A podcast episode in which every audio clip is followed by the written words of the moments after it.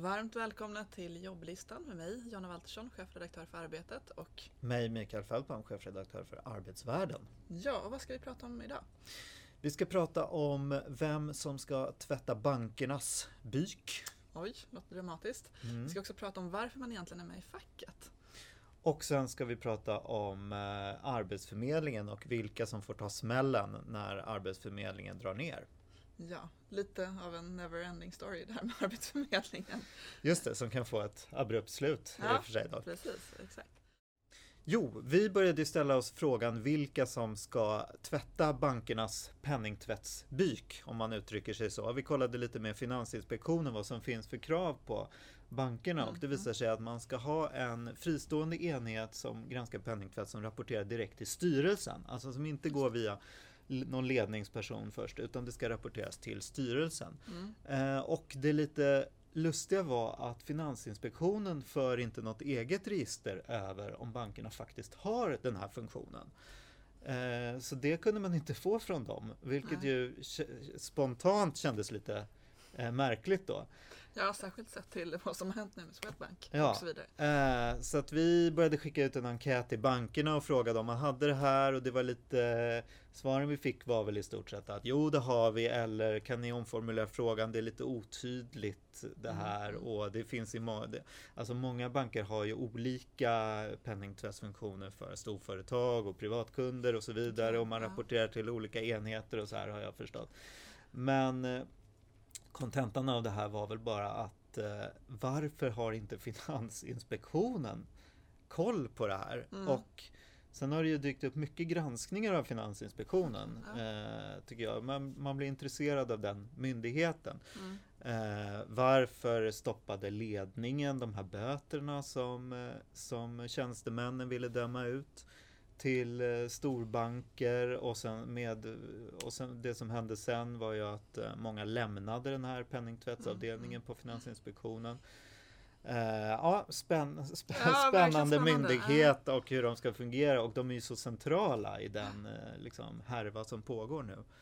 Så det blir intressant att se vart det där tar vägen det, känner jag. Ja, precis. Det låter ju som att det finns ett grävjobb att göra. Att ja, nej, men SvD verkligen. Näringsliv har gjort en jättebra granskning av ja. Finansinspektionen men den kan ju, känns som det finns uppslag att fortsätta den. Det finns mer att hämta. Ja. Tips, tips till, till Svenskans näringslivs del. Ja, de är säkert på bollen. Eller så ska vi ta det själva. Ja, precis. Ja, ja, men, ja, jätteintressant.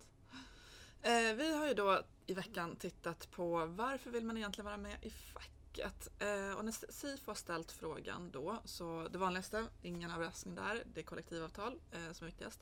Men sen på andra plats kommer inkomstförsäkring ur ett TCO-perspektiv är inte det något konstigt. Jag tror nästan alla, om inte alla har, förbunden inom TCO har det.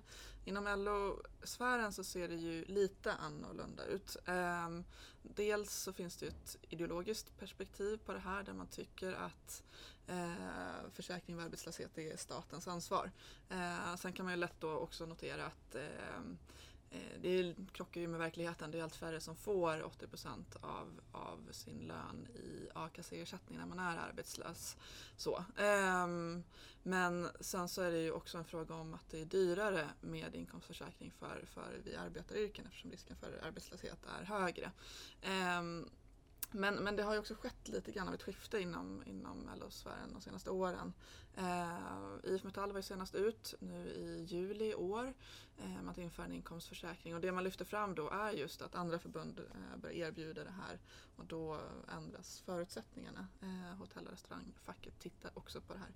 Eh, så vi får väl se eh, vad som sker där. Det kan komma ett beslut runt sommaren skulle jag tro. Sen har Novus då också ställt frågan på uppdrag av LO till LO-medlemmar om varför, vad man tycker att facket ska jobba med. Och då, eh, då är det ju inte inkomstförsäkring som, som kommer upp utan eh, det är ju snarare löneutveckling och eh, anställningstrygghet. Så det är ju fortfarande ja, kan, kanske lite, lite andra värderingar som, som är drivande. Men är det där en ideologisk debatt fortfarande i LO-förbunden? Att eh, egentligen att staten ska stå för eh, a-kassa och inte facken. Ja, men, ja precis, eller? Den, den åsikten finns ju men samtidigt så, så, så kan man ju se att så, så är det ju inte och då mm. tvingas man ju någonstans förhålla sig till, till verkligheten och sen kan man ju landa i olika positioner i, utifrån den, den liksom faktiska verkligheten där vissa nog tycker att man kan driva på politiken mer och, och andra eh, då tycker att nej, men nu, nu behöver vi Mm. eh, ändra förhållningssätt till, till det här. Mm.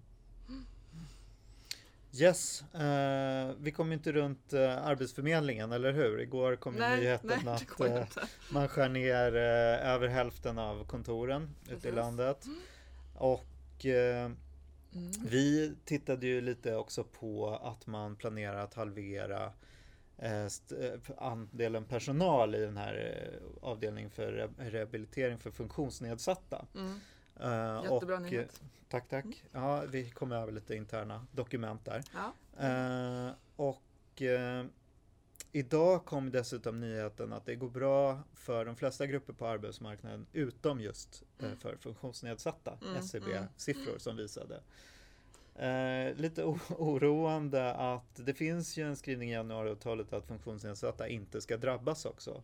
Och jag såg att eh, Ylva Johansson har ju varit ute i arbetet bland annat och Mm, pratat mm. om att hon är lite sur på Arbetsförmedlingen nu. Exakt, ja. Säger hon i alla fall då att, eh, Att man skär ner på det här sättet, att det är förhastat. Så det finns ju en växande irritation mellan Arbetsförmedlingen och arbetsmarknadsministern känns det ju, Mm, där man mm, skyller mm. lite grann på varandra. Exakt, ja. Eh, vad- ni har ju också rapporterat flitigt om det Vi här. har också rapporterat verkligen flitigt om det här. Eh, och jag reagerade ju på er nyhet igår då om, om det minskade stödet till funktionsnedsatta. Eh, och vi hade ju också en nyhet tidigare i veckan där det framkom att 700 av, av de arbetsförmedlare som riskerade att förlora jobbet istället ska erbjudas anställning inom kundtjänst. Såklart bra för de enskilda arbetsförmedlarna. Eh, de behöver inte förlora jobbet. Eh, men, men man kan känna en viss oro över utvecklingen av, av den här myndigheten för det visar ju att man bygger upp en organisation där, där allt mer stöd kommer komma via telefon, via digital rådgivning, vilket är fine om, om man står nära arbetsmarknaden, om, om man har, har lätt att eh, få jobb, då, då räcker ju det. Men just de här grupperna som, som står längre ifrån behöver ju mer eh, nära stöd, mer, mer möten. Eh, så det här slår ju verkligen mot, mot funktionsnedsatta men också mot ja, men personer som inte har gymnasieutbildning eller nyanlända till exempel. Eh, och jag reagerade då också rätt starkt på, för ungefär samtidigt som jag läste nyheten hos er så, så kom det också ett pressmeddelande från, från Liberalerna eh, där man just uttryckte en oro över funktionsnedsatta. Det är en ny rapport från Myndigheten för delaktighet som, som har visat på ohälsotal bland funktionsnedsatta och eh, deras socialpolitiska talesperson Linda Nordlund påpekar ju då att det krävs bättre samverkan med bland annat Arbetsförmedlingen och det är lite så här man tar med ena Mm. handen eh, och tror att man ska kunna ge med den andra men det är inte så det funkar utan nu håller man ju på att rasera den här myndigheten och, och ja. Eh, Det är ju väldigt mycket blame game. Ja, liksom, mellan, är, det, är det MKD-budgeten, är det januariavtalet ja, eller är det Arbetsförmedlingen själva? Ja men är- precis, man bara kan, kan önska att de här, gjorde lite halt och bara säga okej det här var uppenbarligen en jättedålig idé. Nu pausar vi, vi ser vad som man, man egentligen ska göra och sen så gör man något smartare. Eh, man kan önska att de lyssnade lite mer på experterna så. Verkligen, det är svårt att bygga upp, det är lättare att riva ner. Ja, så är det. Men, eh, ja, och de som blir, för att utgå från den här rubriken, de som verkar bli lidande av det här är ju de som står långt ifrån Mm, arbetsmarknaden. mm, mm. Vi hade ju en eh, artikel med Lars Calmfors och flera experter som pratar just om att det verkar inte som att politikerna har förstått riktigt att de som står långt ifrån arbetsmarknaden idag har helt andra behov än vad man Mm, hade mm. förr. Att man verkligen behöver att liksom utbilda och eh, stärka den aktiva arbetsmarknadspolitiken istället för att rasera den. Mm, ja, Det är lite sorgligt det man Ja. ser nu helt enkelt. Jo men verkligen, det är så otroligt mycket ideologiska skygglappar och eh, lite eftertanke. Ja, Ja, slutar vi där vi eller? slutar där. En liten utskällning mot politiker och alla möjliga. Ja men det blir bra. Tack för idag. Bra, vi återkommer om två veckor sådär. Typ.